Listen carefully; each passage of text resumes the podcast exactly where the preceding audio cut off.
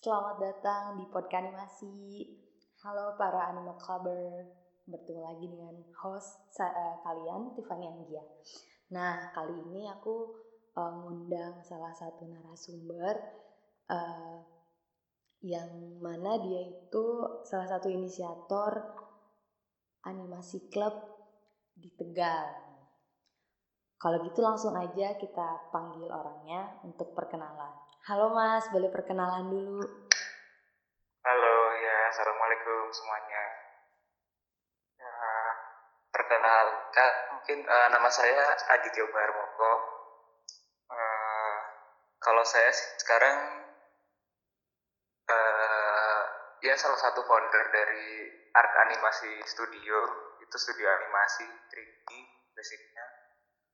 Ya gitu tadi seperti yang udah jelaskan Mbak Andi uh, uh, mungkin sekarang uh, setiap bulan nanti akan ngurus dengan animasi klub gitu untuk screening dan beberapa teman-teman yang gabung di GAL mungkin gitu. Oke oke. Um, makasih Mas Adit. Um, terus gimana sih dulu awalnya Mas Adit bisa tahu dan kenal animasi klub boleh diceritain dulu awal mulanya?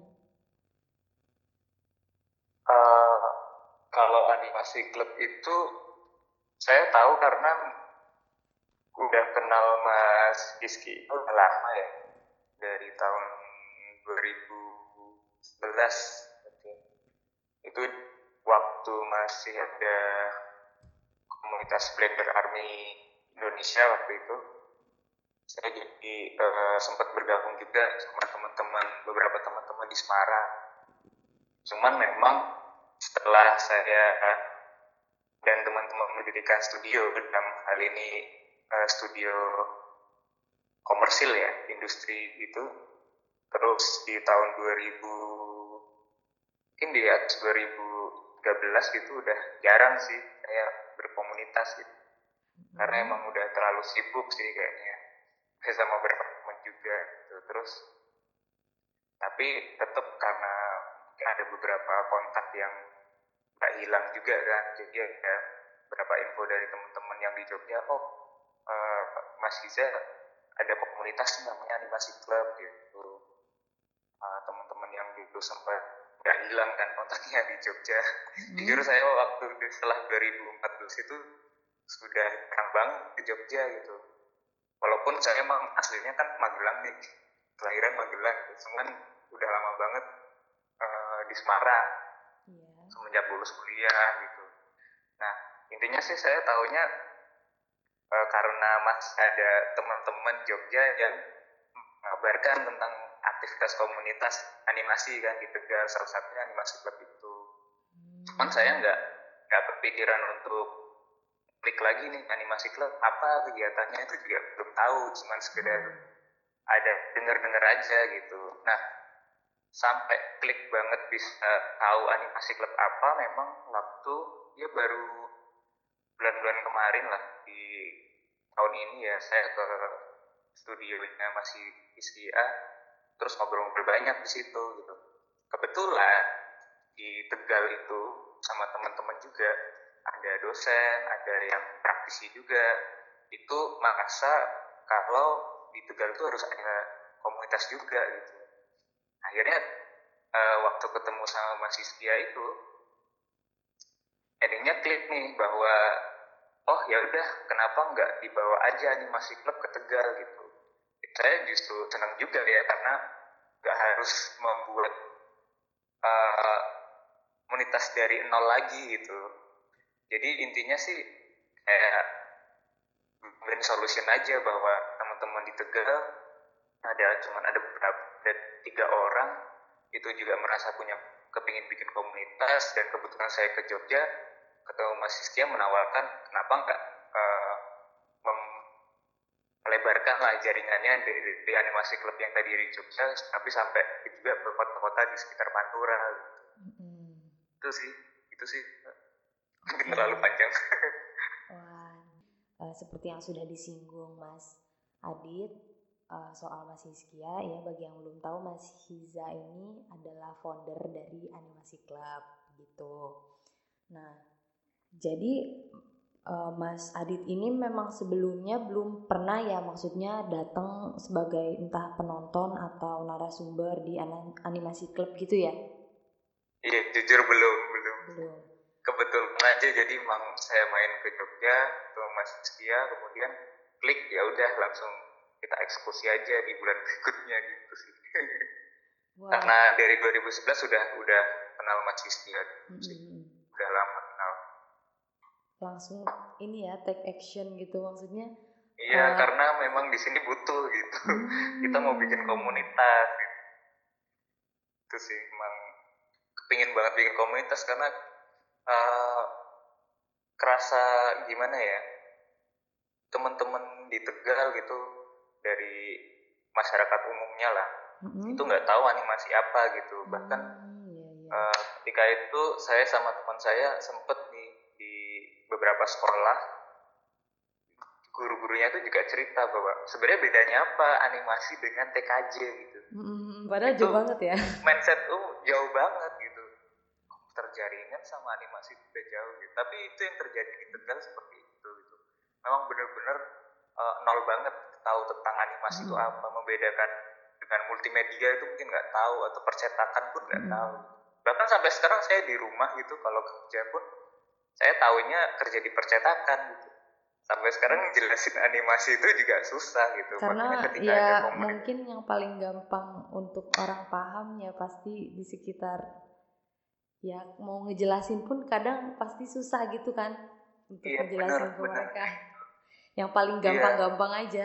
Kalaupun kita mau ngejelasin animasi yang paling mereka tahu kan pasti yang di TV oh kartun. Oh animasi itu ya, gitu yang sering di TV padahal sebenarnya kan bener. luas banget gitu.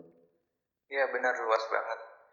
Apalagi yang terkait sama pendidikan ya itu kayak jauh banget sih. Jadi uh, teman-teman guru juga butuh gimana ya butuh fasilitas uh, gimana ya untuk kumpul lah bahwa sharing bahwa sebenarnya ini masih apa. Karena banyak juga guru-guru di Tegal gitu ya yang multimedia atau animasi referensinya masih terbatas gitu. Terbatas bahwa animasi itu harus flash lah animasi yeah, itu harus after effect dan sebagainya. Padahal bukan bukan melulu di software gitu. Mm -hmm. animasi ya kita storytelling kan storytelling dengan cara apa pun gitu yang terpenting prinsip dasar animasinya ada gitu nah itu hal-hal kayak gitu yang akhirnya tercetus bikin komunitas gitu dan ternyata sekarang akhirnya yang klik ya dengan animasi klub gitu aku salut sih karena kan mungkin beberapa orang kalau mau mau memulai sesuatu dia perlu kayak apa ya uh, masuk dulu kayak pelan-pelan kayak mungkin ah, aku mau jadi penonton dulu atau nunggu dulu gitu. Aku pun baru tahu gitu kalau ternyata Mas Adit memang belum pernah kayak datang langsung di animasi klub nonton gitu ya. Tapi udah punya uh, keyakinan yang kuat bahwa emang perlu banget gitu loh ngadain komunitas ini gitu. Apa sih yang bikin uh, Mas Adit yakin banget gitu loh tanpa maksudnya tanpa uh, kalau orang mikir kan mesti mikir panjang gitu kan. Ya, nah, ya. Apa memang timingnya pas atau gimana? Pasti kan ada uh, prepare dulu kan. Nggak nggak orang mikirnya mungkin kok cepet banget gitu tiba-tiba gitu. Padahal kan sebelumnya pasti ada persiapan yang panjang. Nah itu bisa diceritain? Sebenarnya kalau persiapan panjang jujur gak ada ya. Alasan pertama memang karena kita butuh komunitas satu uh, untuk wadah tadi dari dari pihak akademisi, pihak mungkin dari pihak bisnis ya, pihak mungkin semualah dari masyarakat umum gitu. Selain itu juga karena kan saya udah dari 2011 kenal dari foundernya juga kenal Mas Setia. Jadi udah paham betul kalau memang uh, komunitas animasi dulu Blender gitu ya. Itu tuh memang membuat uh, paling tidak itu memicu teman-teman lain untuk berkarya minimal berkarya sampai mungkin bisa sampai ke industri atau mereka bekerja sebagai profesional gitu mm-hmm. jadi itu langkah awalnya memang seperti itu menurut kami gitu. jadi ya udah udah dari awal udah karena udah kenal dan udah tahu langkahnya yeah. nah salah satu itu kedua uh, tadi yang pertama uh, karena udah klik aja kita butuh kedua saya udah kenal foundernya ketiga juga uh, gini bahwa apa ya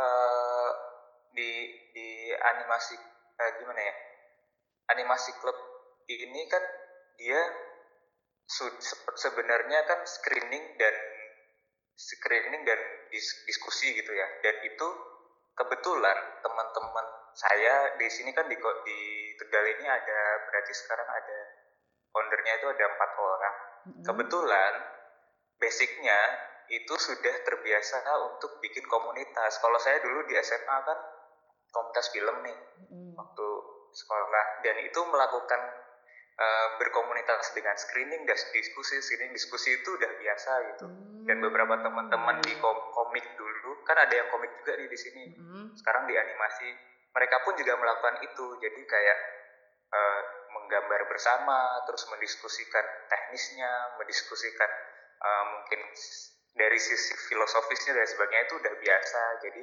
akhirnya ketika saya menawarkan nih animasi klub rutin uh, kegiatan rutinnya seperti ini oh ya udah gitu. Karena kita kita nggak usah nggak usah cross check lagi nih ini iya, nggak nggak istilahnya karena emang udah udah biasanya seperti itu gitu. Iya nggak ya, perlu ya gitu. nggak uh, perlu memulai dari nol gitu istilahnya. Karena sama-sama semua yeah. udah punya passion di situ yeah, terus udah, udah punya udah punya passion dan, dan pengalaman, pengalaman ya pengalamannya sama kita sama. Oh jadi akhirnya cuma cerita aja eh dulu aku bikin komunitas komik ini. Hmm. dia sama kayak bikin dulu ada komunitas animasi di Semarang. Oh ya kayak gini. Oh ada komunitas film. Terus ada yang hmm. fotografi juga kan sebagainya. Sama kok kita harus harus ada wadah untuk diskusi. Hmm. dan ketika saya menawarkan animasi klub mereka udah langsung setuju gitu. Hmm. udah bagus nih bagus gitu. Daripada kita bikin baru lagi kenapa nggak kita uh, berjejaring gitu. Jadi kita ngikut aja deh animasi klub tuh udah kita percaya bagus nah, gerakannya udah bagus yang penting kita mengadopsi aja uh, nanti mungkin perubahannya kan dikit-dikit aja sesuai dengan kondisi teman-teman di Tegal. Gitu sih. Jadi memang uh, jadi memang backgroundnya dari orang-orang kreatif gitu ya seperti Mas Adit dari ya, animasi bener. terus ada yang dari uh, fotografi gitu ya? Ada fotografi ada komik dan mereka semua dulu uh, sampai menjadi profesi ya ada yang jadi dosen ada yang uh, masih di industri itu pun beranjak dari komunitas juga gitu. Yang tadinya sekarang jadi fotografer nih mm-hmm. dia juga oh saya dulu komunitas nih sampai bisa jadi fotografer. Oh saya jadi komunikus, komunikus atau ilustrator ya saya dulu juga komunitas ada gitu. Jadi ya udah langsung tanpa pikir panjang. Jadi kalau untuk ke tahap kita launching ya animasi klub di Tegal yeah. tuh udah nggak nggak nggak mikir panjang bener nggak yeah. mikir panjang sama sekali kita udah ada komunitasnya di Jogja gitu jadi apa apa apa persoalannya kan udah bisa belajar dari yang di sini yeah, gitu kan jadi yeah, ngapain perlu kan. pikir panjang gitu mulai aja dulu gitu kan iya iya benar kalau kebanyakan ya, mikir juga. malah takut nggak jadi jadi gitu kan Iya, itu juga pengalaman saya seperti itu. Kalau hmm. misalnya terlalu banyak mikir, terus wah jangan-jangan kayak gini, jangan kita udah mikir jeleknya, nanti otomatis biasanya nggak jalan sih itu. Karena dulu waktu di Semarang saya juga sama teman-teman ada rencana gitu, mau screening, mau ini, udah film. Endingnya juga nggak jalan gitu, karena mungkin terlalu banyak yang dipikirkan gitu. Iya, iya. Ah, jangan-jangan repot, jangan-jangan kayak gini, ah, jangan-jangan kayak gini nanti uh, ngundang uh, semisal orang gimana terus harus uh, nanti menyediakan makannya gimana. Kadang hal sepele-sepele itu di, terlalu dipikir gitu. Hmm. kalau sekarang yang penting jalan aja gitu. Iya. Itu sih. Gimana tuh mas uh, perasaannya ngadain event animasi klub pertama? Boleh diceritain kesan-kesannya? Ya mungkin memang sudah udah jalannya gini ya. Maksudnya memang udah kayaknya kok kalau kerepotan tuh hampir gak ada jujur. Mm-mm. jadi se- sebegitu mudahnya sih sebenarnya. Jadi kayak kita cuma uh, diskusi sama animasi klub Jogja ya terkait biasanya screeningnya gimana diskusinya gimana uh, rule-nya gimana diskuskan sama Mas Iskia waktu itu sama Mas Naim. Sudah cukup diskusi saya sampaikan ke teman-teman di sini. Terus tempat juga udah tersedia kebetulan dari Poltek Harapan Bersama itu udah oke gitu. Terus uh, mungkin persiapan untuk publikasi juga gampang gitu aja tinggal dibikin dipublikasikan. Dan alhamdulillahnya itu kita yang bikin seneng itu di luar ekspektasinya jumlah yang datang gitu. Jadi yang daftar itu bisa sekitar 40 orang gitu. Padahal kita nggak berekspektasi sejauh itu gitu. Dan itu 40 o- 40 orang itu justru orang di luar uh, politeknik harapan bersama juga gitu. Karena kita berpikir kan ah paling yang datang ya mahasiswa itu doang gitu kan. Ya, karena yang deket gitu yang tahu. Ternyata malah justru masyarakat umum pun datang gitu. Dan itu mayoritas gitu. Be- belum lagi terakhir malam setelah selesai itu ternyata temen yang di luar ya yang jaga itu ngomong eh sebenarnya masih banyak loh pada mau masuk cuman kebetulan ruangannya kita sempit gitu jadi Oh. masih banyak yang datang gitu mungkin bisa sampai 50 60 orang gitu sampai Wow. le- 60 lebih Keren. benar itu kita iya baru pertama kemudian juga kita belum kenal nih siapa aja gitu ya Mm-mm. terus orang-orangnya kan ini orang dari mana gitu itu mereka wah ini ekspektasinya kita nggak sejauh itu gitu. Mm-mm. kok bisa sebanyak ini gitu. Kita seneng sih. Dan hampir nggak ada kendala sama sekali.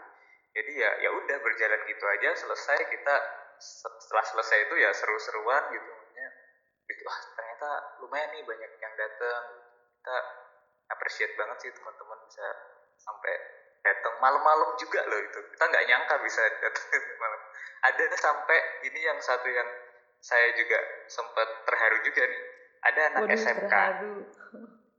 iya karena karena Iya, gini iya. nggak nyangka kita Mm-mm. nggak nyangka banget dia datang sama eh, didampingi sama ibunya malam-malam Oh, sweet. jadi datang ke situ sama ibunya Ibunya. karena mungkin ya memang iya jadi Ibunya support banget ya. menyupport menyupport gitu kita nggak nyangka sih oh berarti yang bareng tadi itu ibunya iya karena kan malam Mm-mm. ini eh, dijagain gitu kan tapi bukan dilarang tapi boleh datang tapi Ditemenin. sama ibunya Iya. ditemenin itu wah wow banget sih sebenarnya tuh bisa sampai kayak gitu gitu Berarti ya seneng sih iya. Alhamdulillah kalau gitu aku juga ikut seneng Iya. loh, Mas. iya baru Ya. pertama loh. Dari cerita Masnya berarti beragam ya maksudnya orang-orang yang datang di luar ekspektasi ada anak SMK bahkan kan iya bisa ada SMK, o- orang tua yang mau datang. orang tua. Karena sebelumnya juga kan udah udah ada SOP-nya gitu kan syarat-syaratnya Iya. seperti apa kayak gitu. Jadi tinggal ngikutin aja kan ya. Setuju. Jadi kita nggak nggak nggak kerasa kerepotan karena emang udah dari Jogja sendiri kan udah punya SOP udah cerita ya istilahnya do and don't-nya lah Mm-mm. istilahnya yang buat buat kita bawa ke Tegal gimana kita sesuaikan nanti di sininya jadi udah ya udah gitu jalan gitu aja sih dan seru sih bahkan Jadi- sampai sampai Mm-mm. eh, nggak nggak sadar sih oh udah malam ya kalau semisal waktunya lebih panjang mungkin kita bisa lebih ngoprek lagi ngulik teman-teman supaya lebih banyak aktif kan untuk diskusi gitu kemarin sih kayaknya masih malu-malu aja gitu iya tapi gitu. beberapa eh, kan kita lanjut nih untuk beberapa yang serius untuk gabung di grup jadi ada grup eh, WhatsApp lagi khusus yang memang tertarik untuk belajar bareng gitu Mm-mm. bukan cuma nonton ya maksudnya Iya. bukan cuma nonton nonton memang kemarin sekitar situ 40 orang tapi kalau yang yang untuk bergabung mau belajar kan beda lagi Mm-mm. nah itu ternyata mereka banyak banyak yang mau ditanyakan gitu Mm-mm. cuman ketika di di sana mungkin nggak nggak berani mereka gitu iya iya ya, gitu sih. biasanya kayak gitu sih Tapi uh, respon para pengunjungnya gimana mas ketika sesi diskusi gitu?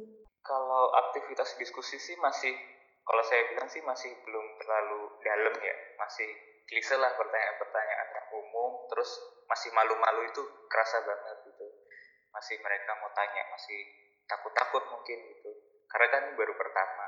Mm-hmm. Cuman memang yang saya di luar ini ya setelah setelah selesai itu kan ada beberapa yang uh, ngobrol lagi kan. Iya, biasanya gitu ya. sebenarnya iya, yang malah malah beraninya di belakang gitu kan. Waktu di eventnya mungkin malu-malu. Tapi di belakang sempat berapa cerita memang itu membuka ini ya sudut pandang lain gitu bahwa perspektif animasi itu udah beda gitu. Jadi masih masih banyak gitu teman-teman SMK mahasiswa yang bilang saya uh, alatnya ini nggak ada gitu, laptopnya masih ya Intel Pentium 4 atau apalah maksudnya yang masih Celeron atau apa loh kan bukan itu gitu. Coba tadi tadi itu kan kita nonton bahkan mereka kebanyakan dari tradisional art gitu yang yang benar-benar uh, tradisional yang uh, mungkin pakai cat air ada media pasir pasir ada media uh, manual lah. Mm-hmm. oh iya ya. Jadi dia kamu tetap bisa bikin gitu. Jangan jangan berpatokan gara-gara nggak punya alat yang mumpuni gitu. Kan nggak harus bikin 3D nggak harus bikin 2D yang dengan uh, spek tinggi gitu enggak gitu. Jadi beberapa teman-teman oh iya merubah mindset itu yeah. gitu loh. Jadi ya kita harapannya memang itu gitu. Jangan gara-gara terbatas alat jadi nggak bikin animasi gitu ya. Tetap berkarya lah. Nah kan tadi sempat ada kata-kata merubah mindset perspektif gitu. Mungkin uh, para pendengar nggak tahu gitu apa sih yang bisa bikin uh, merubah perspektif itu jadi kemarin itu ngangkat tema apa gitu terus alasannya dari memilih tema pertama itu apa gitu boleh diceritain mas Adi? Iya uh, uh, kita sih terima kasih juga sama uh, dari animasi klub Jogja ya yang udah milihin beberapa yang ternyata cocok dengan tujuan kita awal gitu bahwa merubah mindsetnya itu ya tadi jangan kita gara-gara terbatas alat terus nggak jadi bercerita dengan animasi gitu. Jangan sampai seperti itu. Karena banyak sekali yang uh, jadi ini ini sebenarnya tercetus dari namanya Mas Robi dia kan dosen. Dia dosen dia cerita bahwa beberapa mahasiswanya itu mengeluhkannya karena itu gitu. Karena alat gitu ya? Karena alat gitu. Hmm. pak kan saya nggak punya laptop yang bagus pak. Saya nggak punya PC yang bagus pak. Uh, RAM saya cuma 2 giga 3 giga kan. Kayak gitu gitu. Ya bukan itu alas jadi alasan dong gitu. Makanya kita coba memilih yang animasi alternatif gitu. Yang masih bisa mungkin kan untuk kita produksi itu stop motion mengeksplor teknik-teknik lain gitu ya. Iya Berarti kemarin itu memang yang pertama itu uh, memutar film-film animasi dengan berbagai macam teknik ya Mas Adi? Ya, ter terutama tradisional animation ya. Bahkan hmm. kan kemarin hampir nggak ada yang uh, eh, CGI gitu istilahnya, hmm. masih lebih ke manual. Hmm. Itu justru yang kita kita tentukan kemarin yang kita inginkan. Ya udah ternyata udah cocok dan bener beberapa teman-teman juga setelah di luar event itu cerita oh ternyata ada ya animasi kayak gini gitu. Aneh. Bisa dibilang hmm. aneh gitu. Cuman iya, iya. nyatanya mereka bisa bercerita dengan teknik itu gitu.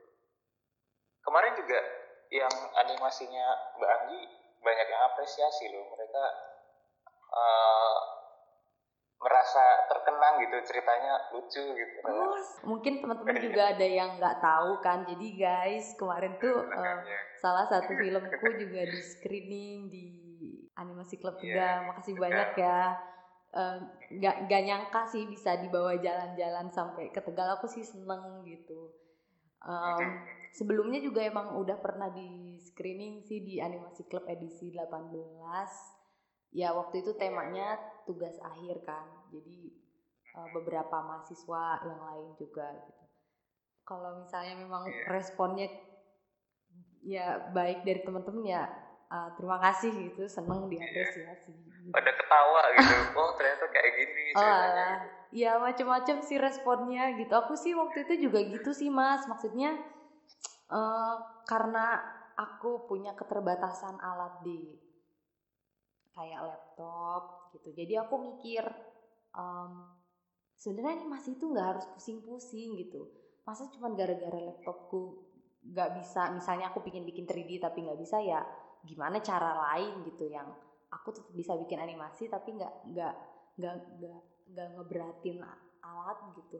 Nyoba campur teknik. Karena aku ngerasa apa ya mungkin tiap orang beda-beda sih. Cuman ya mungkin ada pengaruh juga ya dari aku sering datang ke animasi club gitu. Aku merasa kayak kamu nggak perlu takut bikin sesuatu yang apa ya cross the border gitu nggak harus sama kayak yang iya. lain. karena karena dulu aku jujur aja waktu aku kenal animasi juga ngiblatnya ya seperti ke Disney atau apa gitu. Yeah. tapi di perjalanan aku tuh ngerasa kayak aku itu bukan aku gitu. Kenapa aku nggak ngedengerin apa ya ngedengerin kata hati, kata hati gitu loh. Kalau kamu nggak bisa bikin Disney ya nggak usah sok so kamu nggak bisa bikin anime ya udah. Kamu bisanya apa? Aku mikirnya gitu sih. Nyari sesuatu yang iya. aku bisa. Karena dulu sebelum aku tahu animasi klub ya mas kayak uh, ngerasa kayak aku nggak punya tempat di sini gitu loh. Kayak bener gak sih aku bikin kayak gini? Maksudnya karena terlalu ngelihat standar gitu loh tapi ya karena kemudian aku lihat ada komunitas terus kayak ngerasa ya itu ngerubah perspektif dan mindset kayak nggak perlu mikirin alat yang mahal kok atau mau bikin yang kayak gini kayak gitu gitu. Coba aja explore teknik gitu. Jadi emang bener sih mas kayak komunitas itu perlu terus kita datang-datang ke acara-acara yang berkaitan dengan hal yang kita suka misalnya kayak saya emang suka di animasi gitu. Jadi datang ke beberapa acara yang ngebahas itu terus nonton film diskusi itu jadi kayak oh iya iya iya. Jadi ya itulah yang bikin jadi berani untuk explore.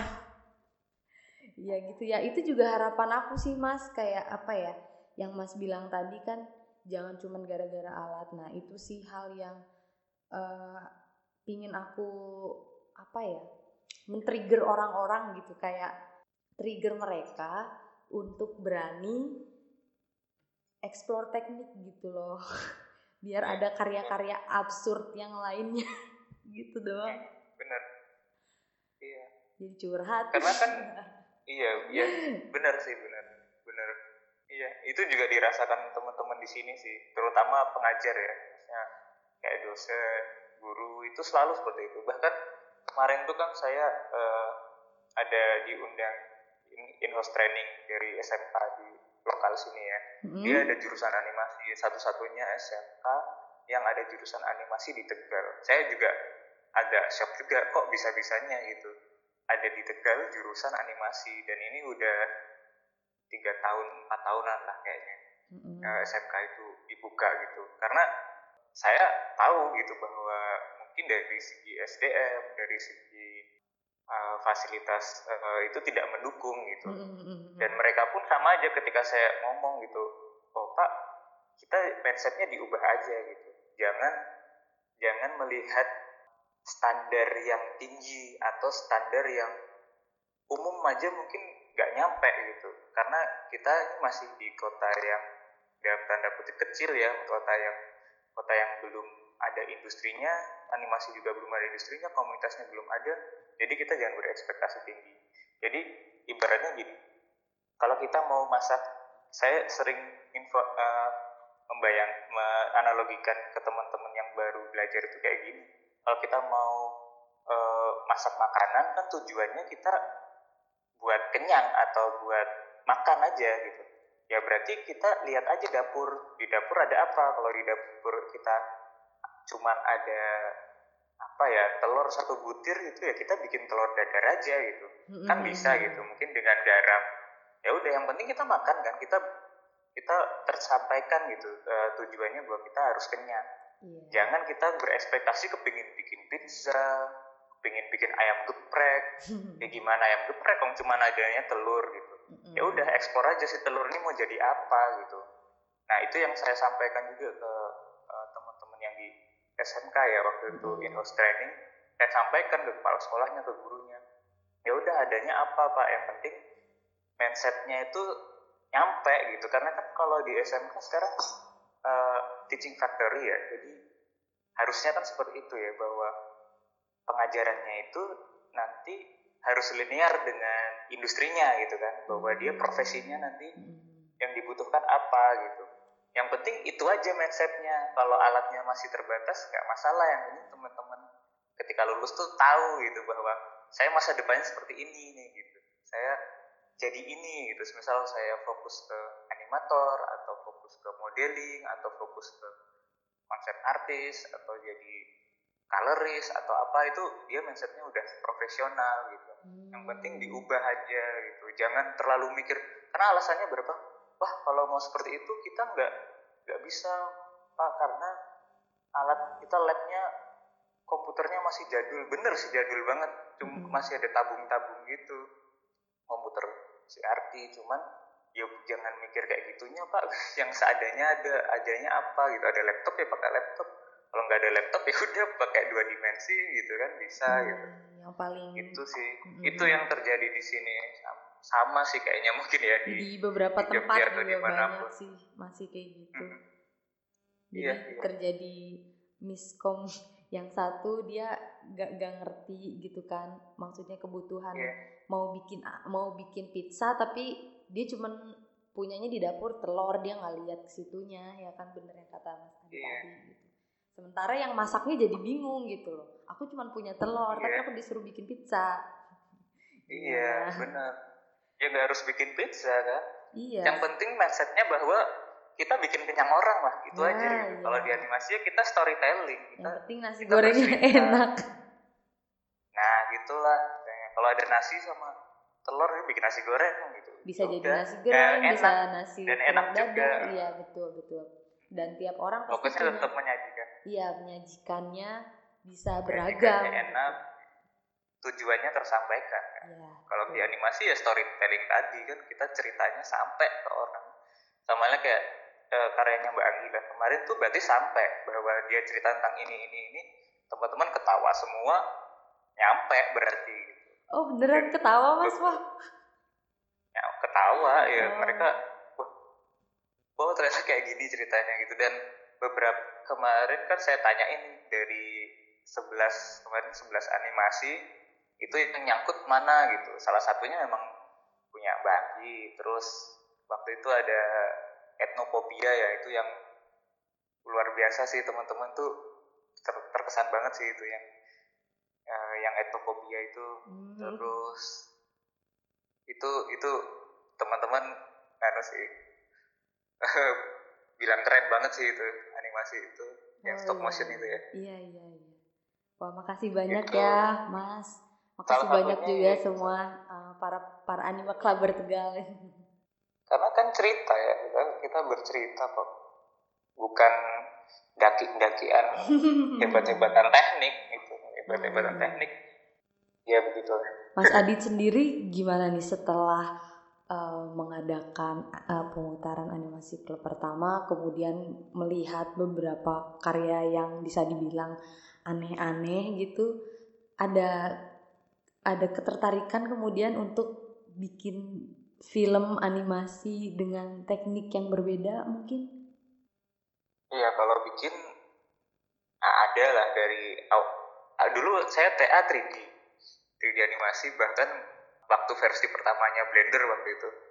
Saya nekat produksi dengan software yang masih beta. Tapi jadi yang penting jadi. Dan beberapa diapresiasi juga sih di festival ada juara dan sebagainya. Hmm. cuma intinya gini saya juga berpikir gini mbak. Uh, lagi-lagi kita kan mengeksplor diri ya. Kalau saya memang kayaknya dari dulu memang senangnya 3D. Mm-hmm. Jadi bukan berarti gara-gara ada bagi saya mm-hmm. mindset saya bukan berarti gara-gara ada animasi yang aneh-aneh terus saya bikin juga yang aneh-aneh gitu mm-hmm. aneh-aneh dalam tanda kutip dengan teknik lainnya toh yang saya sukai yang saya dalami sekarang ya 3D animation hmm. ya saya tetap mengeksplor itu mungkin dengan uh, gaya bercerita yang berbeda gitu hmm. tapi ya memang saya bisanya itu hmm. Jadi nggak iya. nggak yeah. nggak melulu harus selalu di tekniknya kan ya kan mas? Iya, maksudnya ya, mengeksplor itu bukan cuma di teknik tapi bisa dari bagaimana cara berceritanya gitu. Bagaimana iya, setuju. Uh, uh, apalagi kan itu dari berbagai uh, negara kan yang kemarin itu. Jadi bisa kelihatan oh oh caranya Jepang tuh kayak gini misalnya oh caranya orang Indonesia kayak gini gitu. Jadi kita bisa menyesuaikan aja gitu. Misalnya memang ya aku juga sama pasti kayak Mas Adit. Mas Adit memang seneng di 3D jadi belum tentu juga bakal ngikutin teknik kayak gitu ya. Kayak aku misalnya tiba-tiba aku ngelihat uh, animasi yang di luar gaya aku terus tiba-tiba aku kayak gitu kan enggak. Tetap kita ini ya saling bertukar uh, bertukar sudut pandang gitu. Ngelihat mana yang emang kita bisa kita terapin sama yang uh, oh itu bukan aku gitu kan iya ya. dan bukan berarti ini kan pada gimana ya kalau animasi saya lihat ya stylenya itu bukan berarti ada uh, range atas bawah gitu bahwa hmm. ini tuh sebenarnya ya kualitatif semua maksudnya kita terlalu uh, subjektif gitu subjektif menilai animasi kalau kita bilang ini bagus. Enggak kan itu kita yang menilai ya. Mm-hmm. tapi kan itu karena standarnya kita gitu. Mm-hmm. kalau standar umum nggak ada yang jelek nggak ada yang bagus gitu. Tapi itu itulah uh, mereka tuh jadi diri sendiri gitu yang saya lihat ya kalau berapa animasi kemarin deh kayak kemarin aja screening tuh saya lihat oh si animatornya cuma berusaha menjadi diri sendiri gitu. Kalau semisal gaya bercerita beberapa animator Jepang kemarin ya, saya lihat gitu ya itu sebenarnya kan sudah menyimpang sekali dengan yang mainstream kita tonton anime-anime yeah. yang ada di TV. Iya, bener, itu kan jelas beda yeah. banget dari hmm. gaya bercerita. Ya mungkin ada beberapa miripnya, cuman cara bercerita, gambarnya ternyata kok bisa sih orang Jepang bikin kayak gini, nggak anime gitu ya, nggak hmm. anime, nggak style yang standar gitu. Itu kan berarti sebenarnya bagi saya ya itu pesannya adalah ya jadi diri sendiri aja kalau saya suka bikin kayak gini dan saya bisa seperti ini ya udah sampaikan aja gitu dengan caranya sendiri gitu. kalau saya bisanya 3D dan saya sukanya 3D ya saya menyampaikan dengan yang apa saya hmm, suka gitu. Jadi jadi pesannya sih menurut saya ini jadi diri, jadi diri sendiri aja jangan takut jangan pakai standar orang gitu loh. Ya setuju mas. iya jangan pakai standar orang lah kita pakai standar diri sendiri aja yang penting kita terus nge-explore diri sendiri. Siapa tahu itu justru jadi pakem yang baru lagi jadi lokomotif baru. Menurut saya sih kayak gitu. Dan itu setuju kemarin saya diskusi yang dulu waktu di Jogja diskusi dengan Mas Iza itu. Mm -hmm. ya bener source-nya itu harus pada senimannya. Bukan lagi uh, kita harus ngikutin tren atau ngikutin uh, pakemnya orang lain jadi ya udah kalau memang kita sukanya itu ya udah dilanjutin dulu sampai itu siapa tahu bisa jadi pakemnya baru gitu dan itu menurut saya juga berlaku di industri gitu. ya kan banyak kan style-style yang muncul baru gitu loh di hmm. industri dan itu juga dipakai bisa dijual gitu istilah iya iya itu sih. Mas Adit uh, Mas Adit nangkep juga, ya mungkin ya iya nangkep banget banget uh, salut gitu sama spiritnya Mas Adit dan para apa teman-teman di Tegal gitu. Thank you, thank you. Karena uh, apa ya? Yang Mas Adit bilang tadi itu kan kota kecil gitu. Terus bukannya apa-apa nih Mas, maksudnya kan memang kalau di Jogja lingkungan senimannya memang uh, ini ya. Iya, uh, yeah, iya. Yeah luas terus uh, semua ngumpul lah istilahnya. Nah, menurut Mas Adit sendiri itu untuk lingkungan di Tegal uh, peluangnya gimana tuh Mas? Susah enggaknya kan kita nggak bisa buktikan gitu karena kita belum melakukan ya. Jadi kalau bicara animasi itu uniknya kan animasi itu yang terlibat itu tuh banyak gitu. dari berbagai bidang gitu bukan hanya sekedar seniman bisa gambar.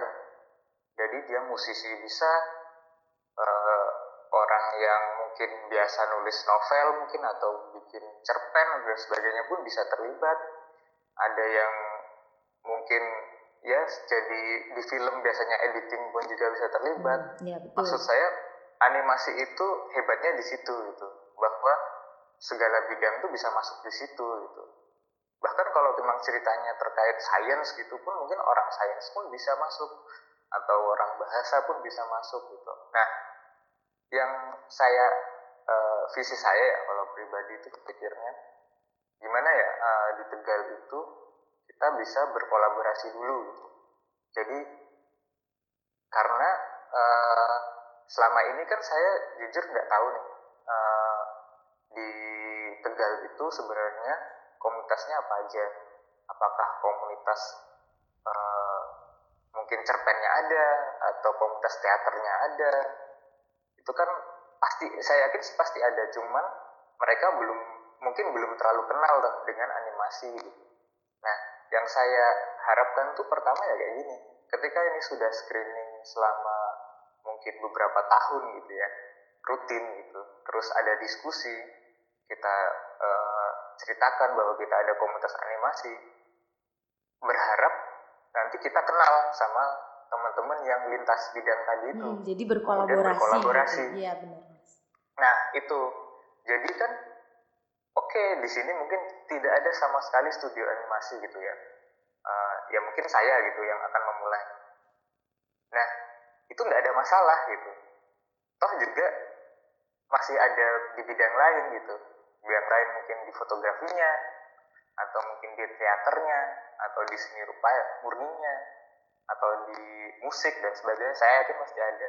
Nah tinggal gimana caranya berkolaborasi gitu. Karena saya uh, ini dengar uh, ceritanya ya teman-teman yang seniman di sini itu jarang bisa berkolaborasi gitu. Karena punya uh, semacam idealisme masing-masing mungkin ya saya nggak begitu paham. Dan itu menurut saya uh, harus dibuktikan gitu harus dibuktikan bahwa benar nggak sih sebenarnya mereka nggak bisa berkolaborasi gitu.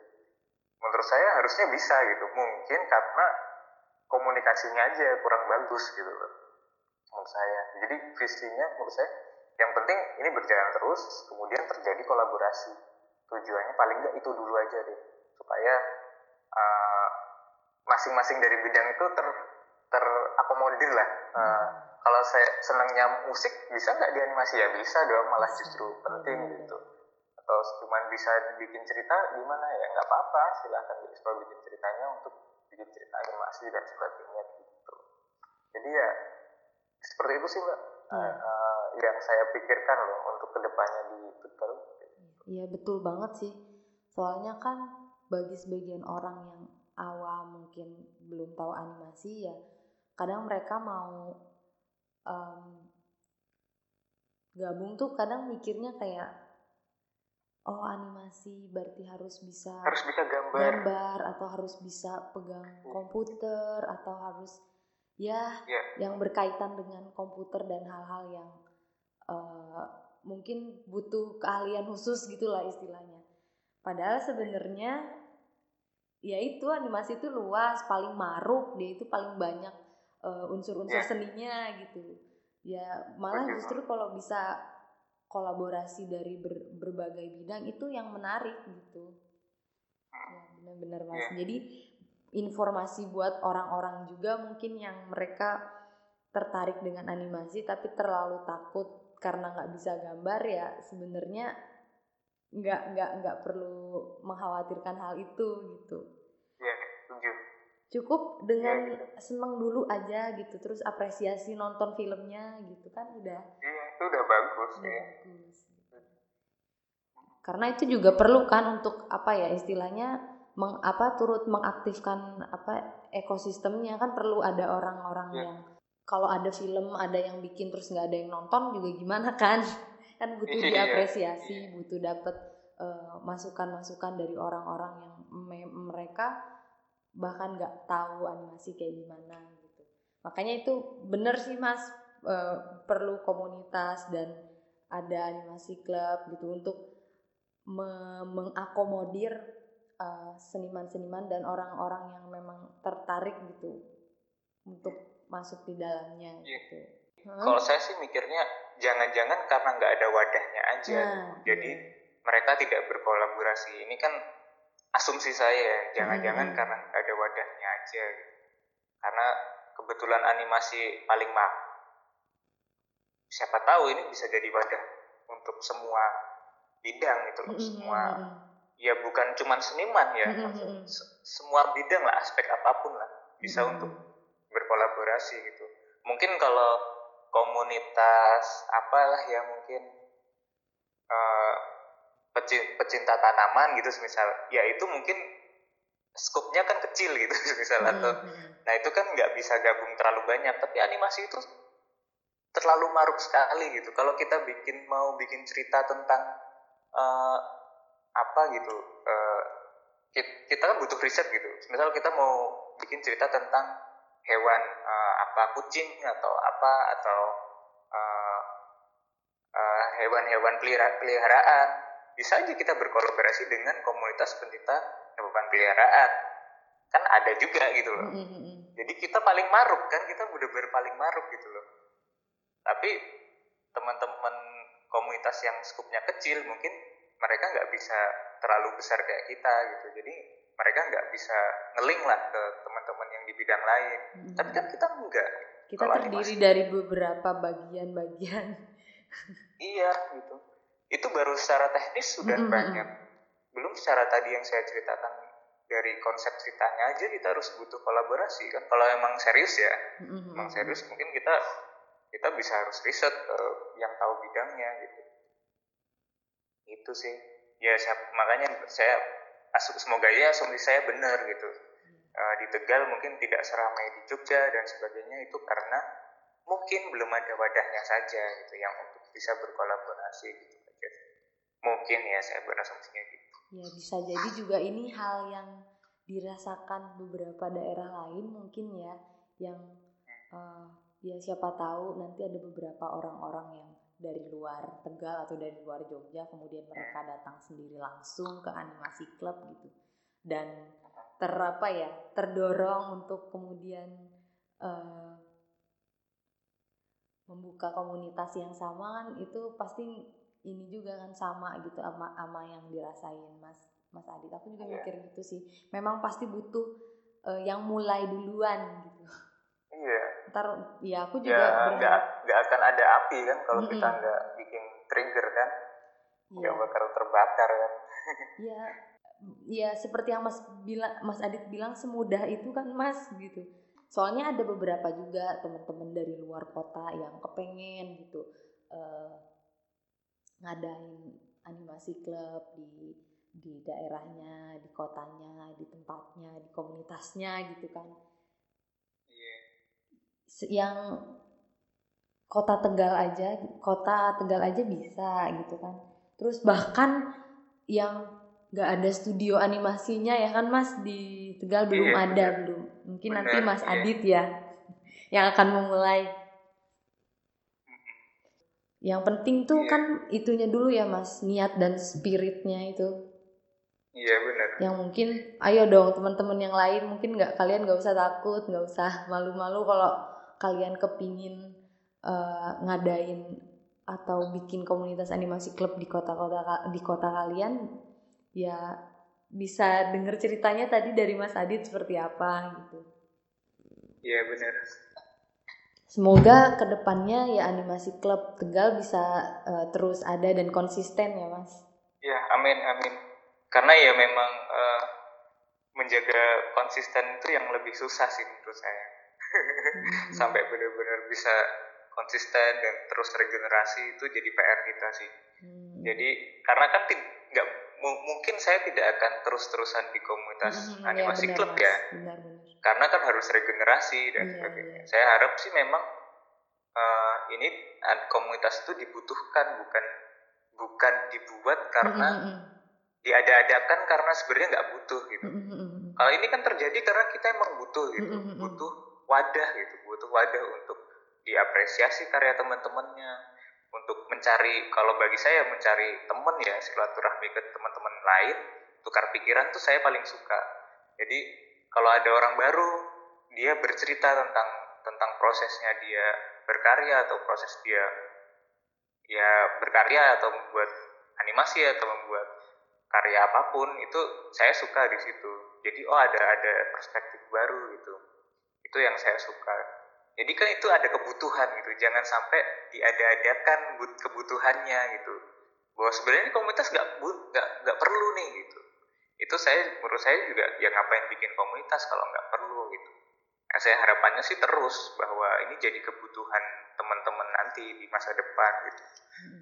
nggak nggak cuman saya dan teman-teman yang uh, menginisiasi ini hmm. gitu tapi nanti regenerasi terus sampai emang dibutuhkan gitu hmm. emang dibutuhkan dan tujuannya jelas gitu bukan sekedar iya jelas ada gitu iya, karena kan buat iya, apa benar. juga kalau ada tapi uh, kemudian cuman gitu aja. Maksudnya cuman sekedar ngumpul-ngumpul tapi gak ada apa ya namanya koneksi lanjutnya gitu loh setelah acara itu ada gitu.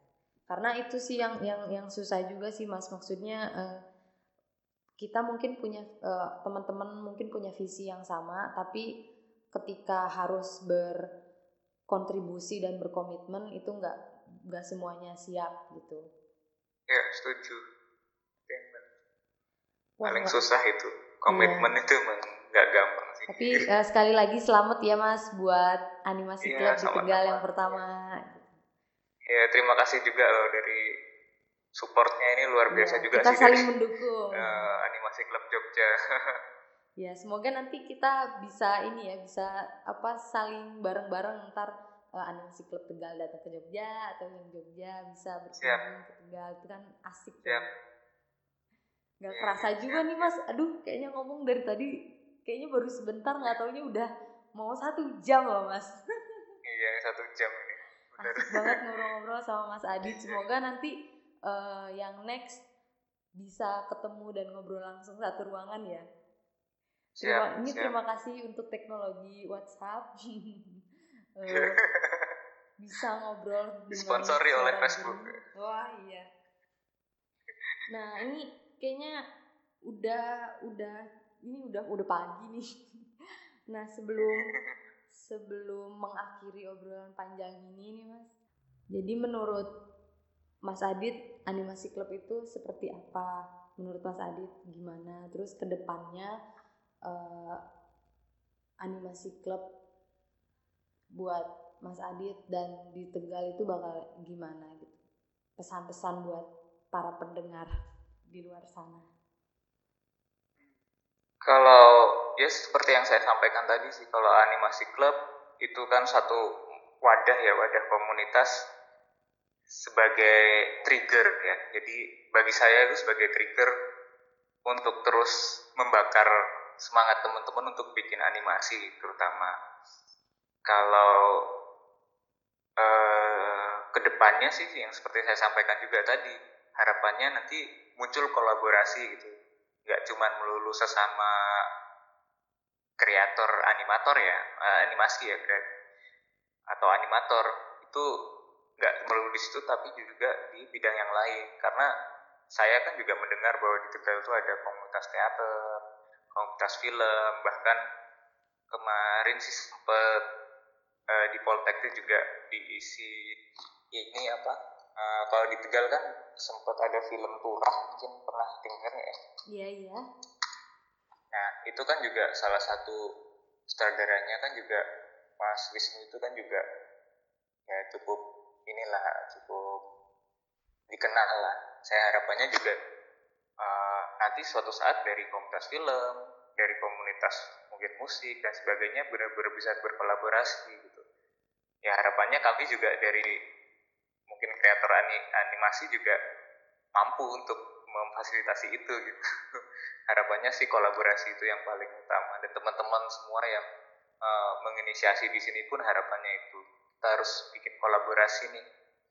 Minimal ada satu karya yang kita keluarkan nggak harus sempurna tapi itu adalah wujud kolaborasi itu gitu.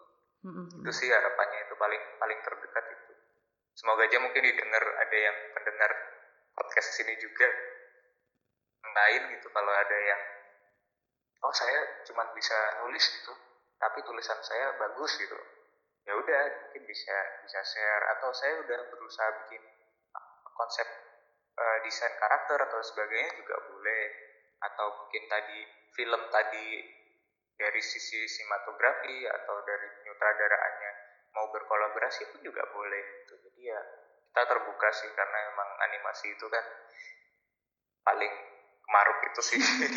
Jadi ya silahkan aja kita sangat terbuka sekali karena ini komunitas.